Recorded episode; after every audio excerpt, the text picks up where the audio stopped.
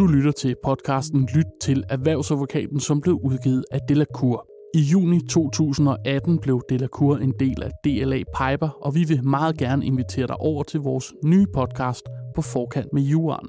Her sætter vi fokus på en masse forskellige aktuelle emner inden for erhvervsjura. Du kan finde et link til podcasten i episodebeskrivelsen, eller hvor du ellers lytter til podcast.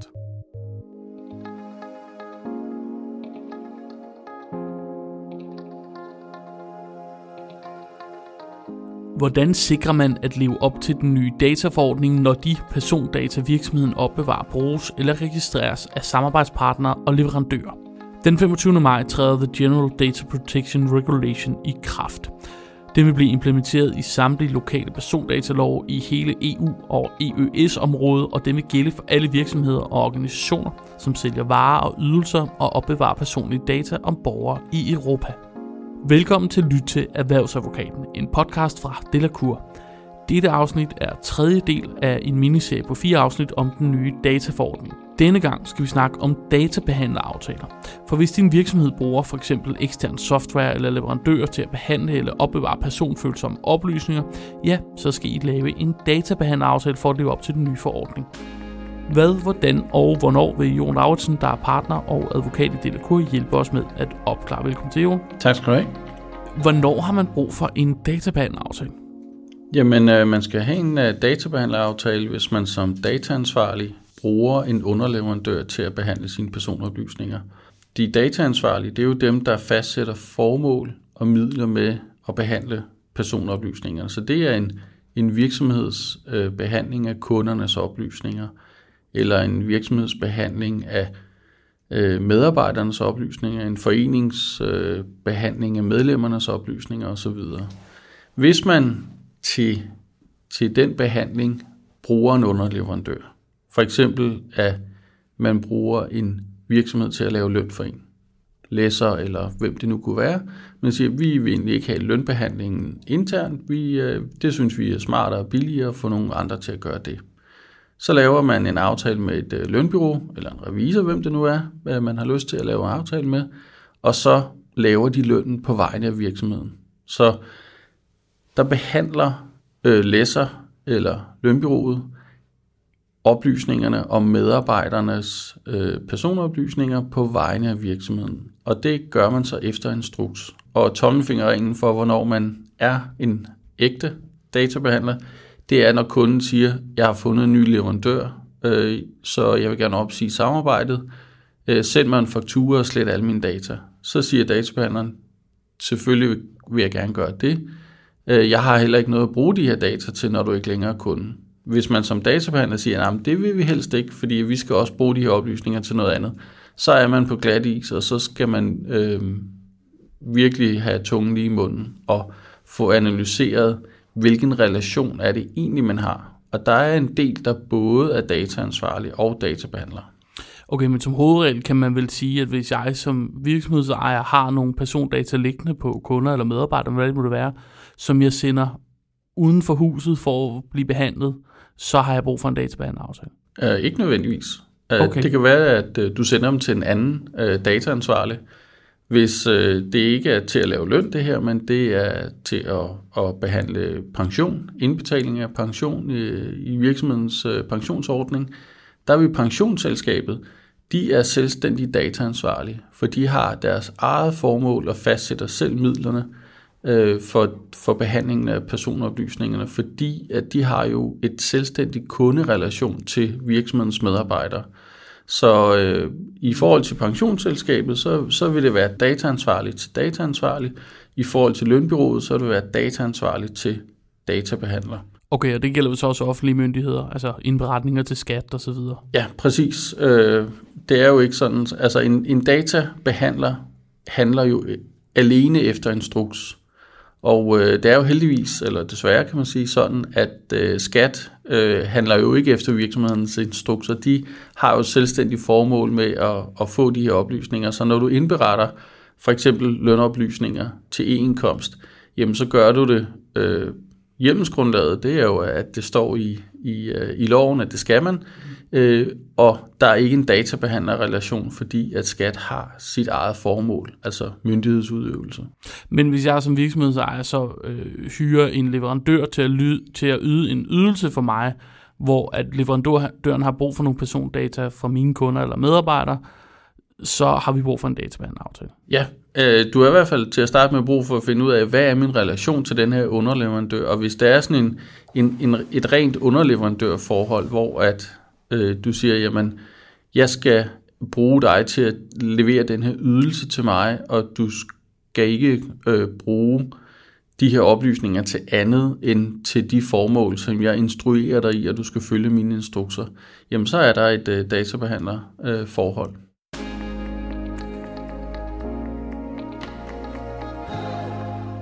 Du nævnte selv før øh, det her eksempel med en virksomhed, der for eksempel øh, håndterer lønudbetalinger fra andre virksomheder. Hvad kunne ellers være sådan typiske steder, som mange virksomheder bruger, hvor man har brug for sådan en databehandleraftale? Jamen det er, hvis man har lagt øh, sit øh, IT helt eller delvist i skyen, altså bruger en cloud service. Det kan være, at man siger, at i stedet for at serveren stående nede i kælderen, så laver vi en aftale med Amazon, AWS eller med Microsoft Azure, øh, så øh, skal der også være en databehandleraftale der.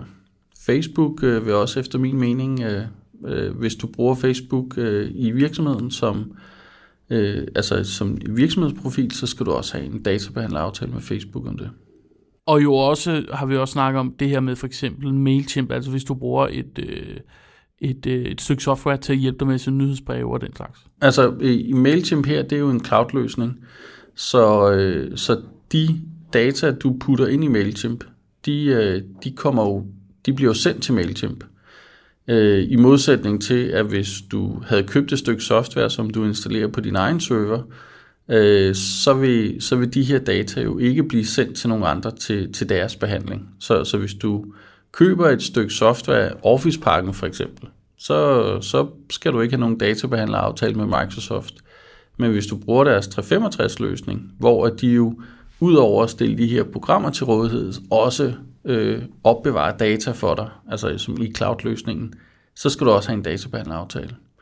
Man skal jo være opmærksom på, øh, sådan, som et lille sidespring her, at når man bruger cloud-løsninger, så er det vigtigt at være opmærksom på, hvor de her data de ligger henne. Øh, fordi hvis de kommer uden for EU-EØS-området, for eksempel USA, jamen så er der også nogle regler i forordningen, der handler om tredje lande og der er der det, der hedder det dobbelte hjemmelsgrundlag. Man skal både have et grundlag for at behandle oplysningerne, men man skal have et særskilt grundlag for at sende dem ud af EU. Og det er der øh, i forordningens øh, kapitel 5 øh, regler om. Så til dem, der bruger MailChimp, kan jeg sige, at øh, der er der grundlag for at sende til MailChimp, fordi de har øh, tilsluttet sig øh, en særlig sikker ordning, eller i hvert fald en, man mener er sikker. Den er jo under angreb hele tiden, men de er, har tilsluttet sig det, der hedder Privacy Shield-ordningen i USA. Og det kan man slå op ved at gå ind på privacyshield.org, og så kan man slå eksempelvis MailChimp øh, op, og så kan man se, om de har tilsluttet sig den her ordning, og det er så grundlaget for at sende dem ud af EU. Det kan man godt, øhm, og ellers så øh, kan man ikke. Og det er jo en af de ting, som blandt andet skal stå i en databehandleraftale, kommer de her data ud af, øh, ud af EU eller ej. Hvorfor skal vi have de her databehandleraftaler? Jamen det er jo en måde, at, øh, hvor den dataansvarlige kan sikre sig, at man kun bruger databehandlere, der overholder forordningen. Og der er, man, der er jo rigtig, rigtig mange øh, data, som bliver behandlet af dataansvarlige via databehandlere, især cloud. Øh, og der har man så vurderet fra politisk side, at det er vigtigt, at der er mere styr over det her data. Man får også besked om, jamen bruger ens databehandler, bruger de også databehandlere, det man kalder underdatabehandlere.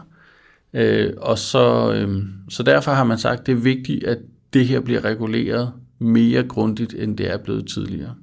Og så en sidste ting, der er vigtig, hvis man er dataansvarlig, og det har vi ret klare indikationer af, at datatilsynet vil kigge efter, det er, hvordan følger man så løbende op på, at databehandleren overholder databehandleraftalen.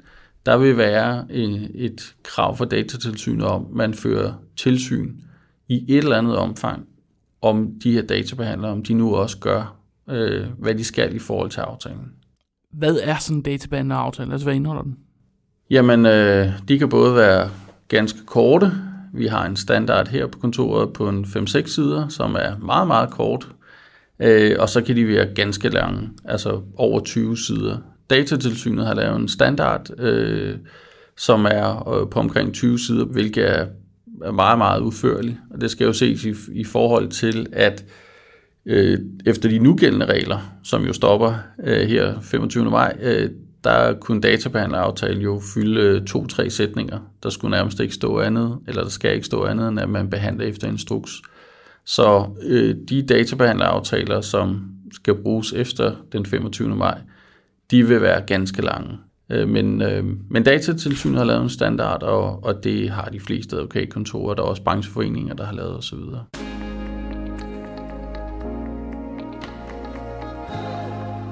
Hvis man nu siger, at man øh, har en mindre virksomhed, og man har identificeret seks forskellige øh, leverandører, som man på en eller anden måde har vurderet, at man bliver nødt til at have en databehandleraftale med, er det så bare at gå ind og øh, tage datatilsynets øh, standardkontrakt og øh, rette lidt til nogle små steder, eller skal man lave hver kontrakt meget mere eksplicit ud fra, hvad det er for behov, man har, eller hvordan gør man? Jamen altså, de, øh, de fleste sådan professionelle leverandører, som er databehandlere, de får lavet en standard, der passer til, til deres forhold.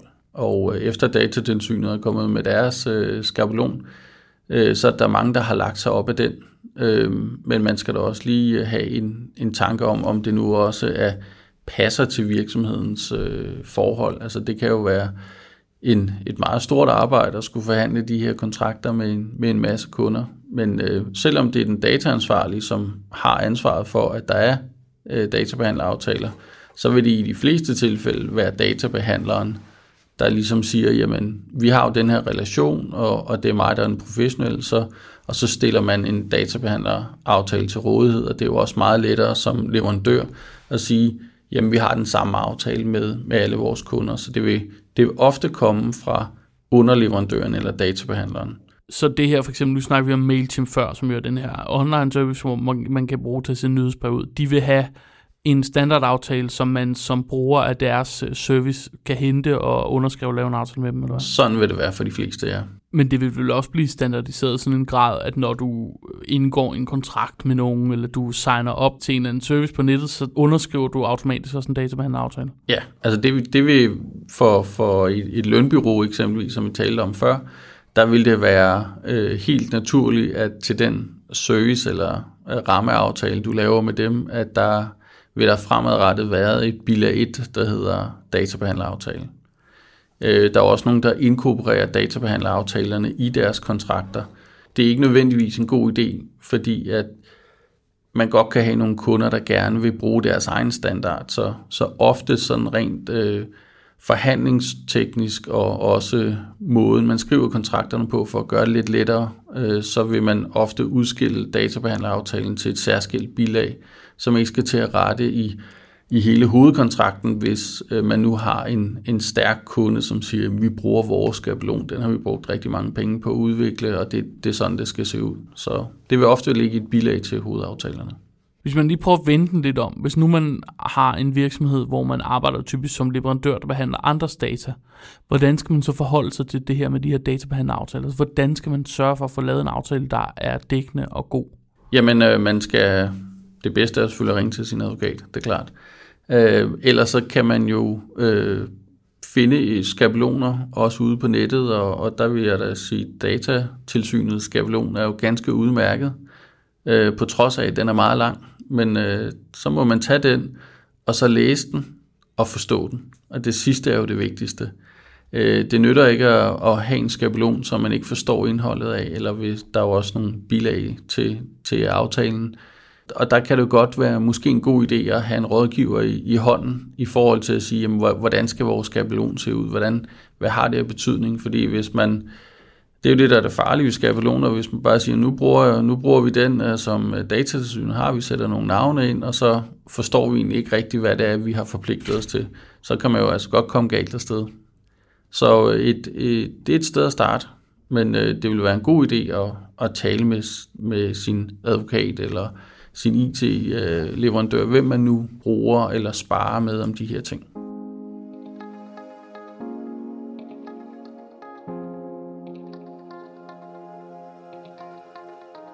Du har lyttet til Lyt til Erhvervsadvokaten, som er en podcast fra Delacour. Denne episode var tredje del i vores miniserie på fire afsnit om GDPR. I næste og sidste afsnit kan du blive klogere på de registreredes rettigheder. Bag mikrofonen sad advokat og partner i Delacour, Jon Lauritsen. Du kan abonnere på vores podcast i din foretrukne podcast-app eller finde alle afsnit på delacour.dk. Mit navn er Magnus Grabe. Tak fordi du lyttede med.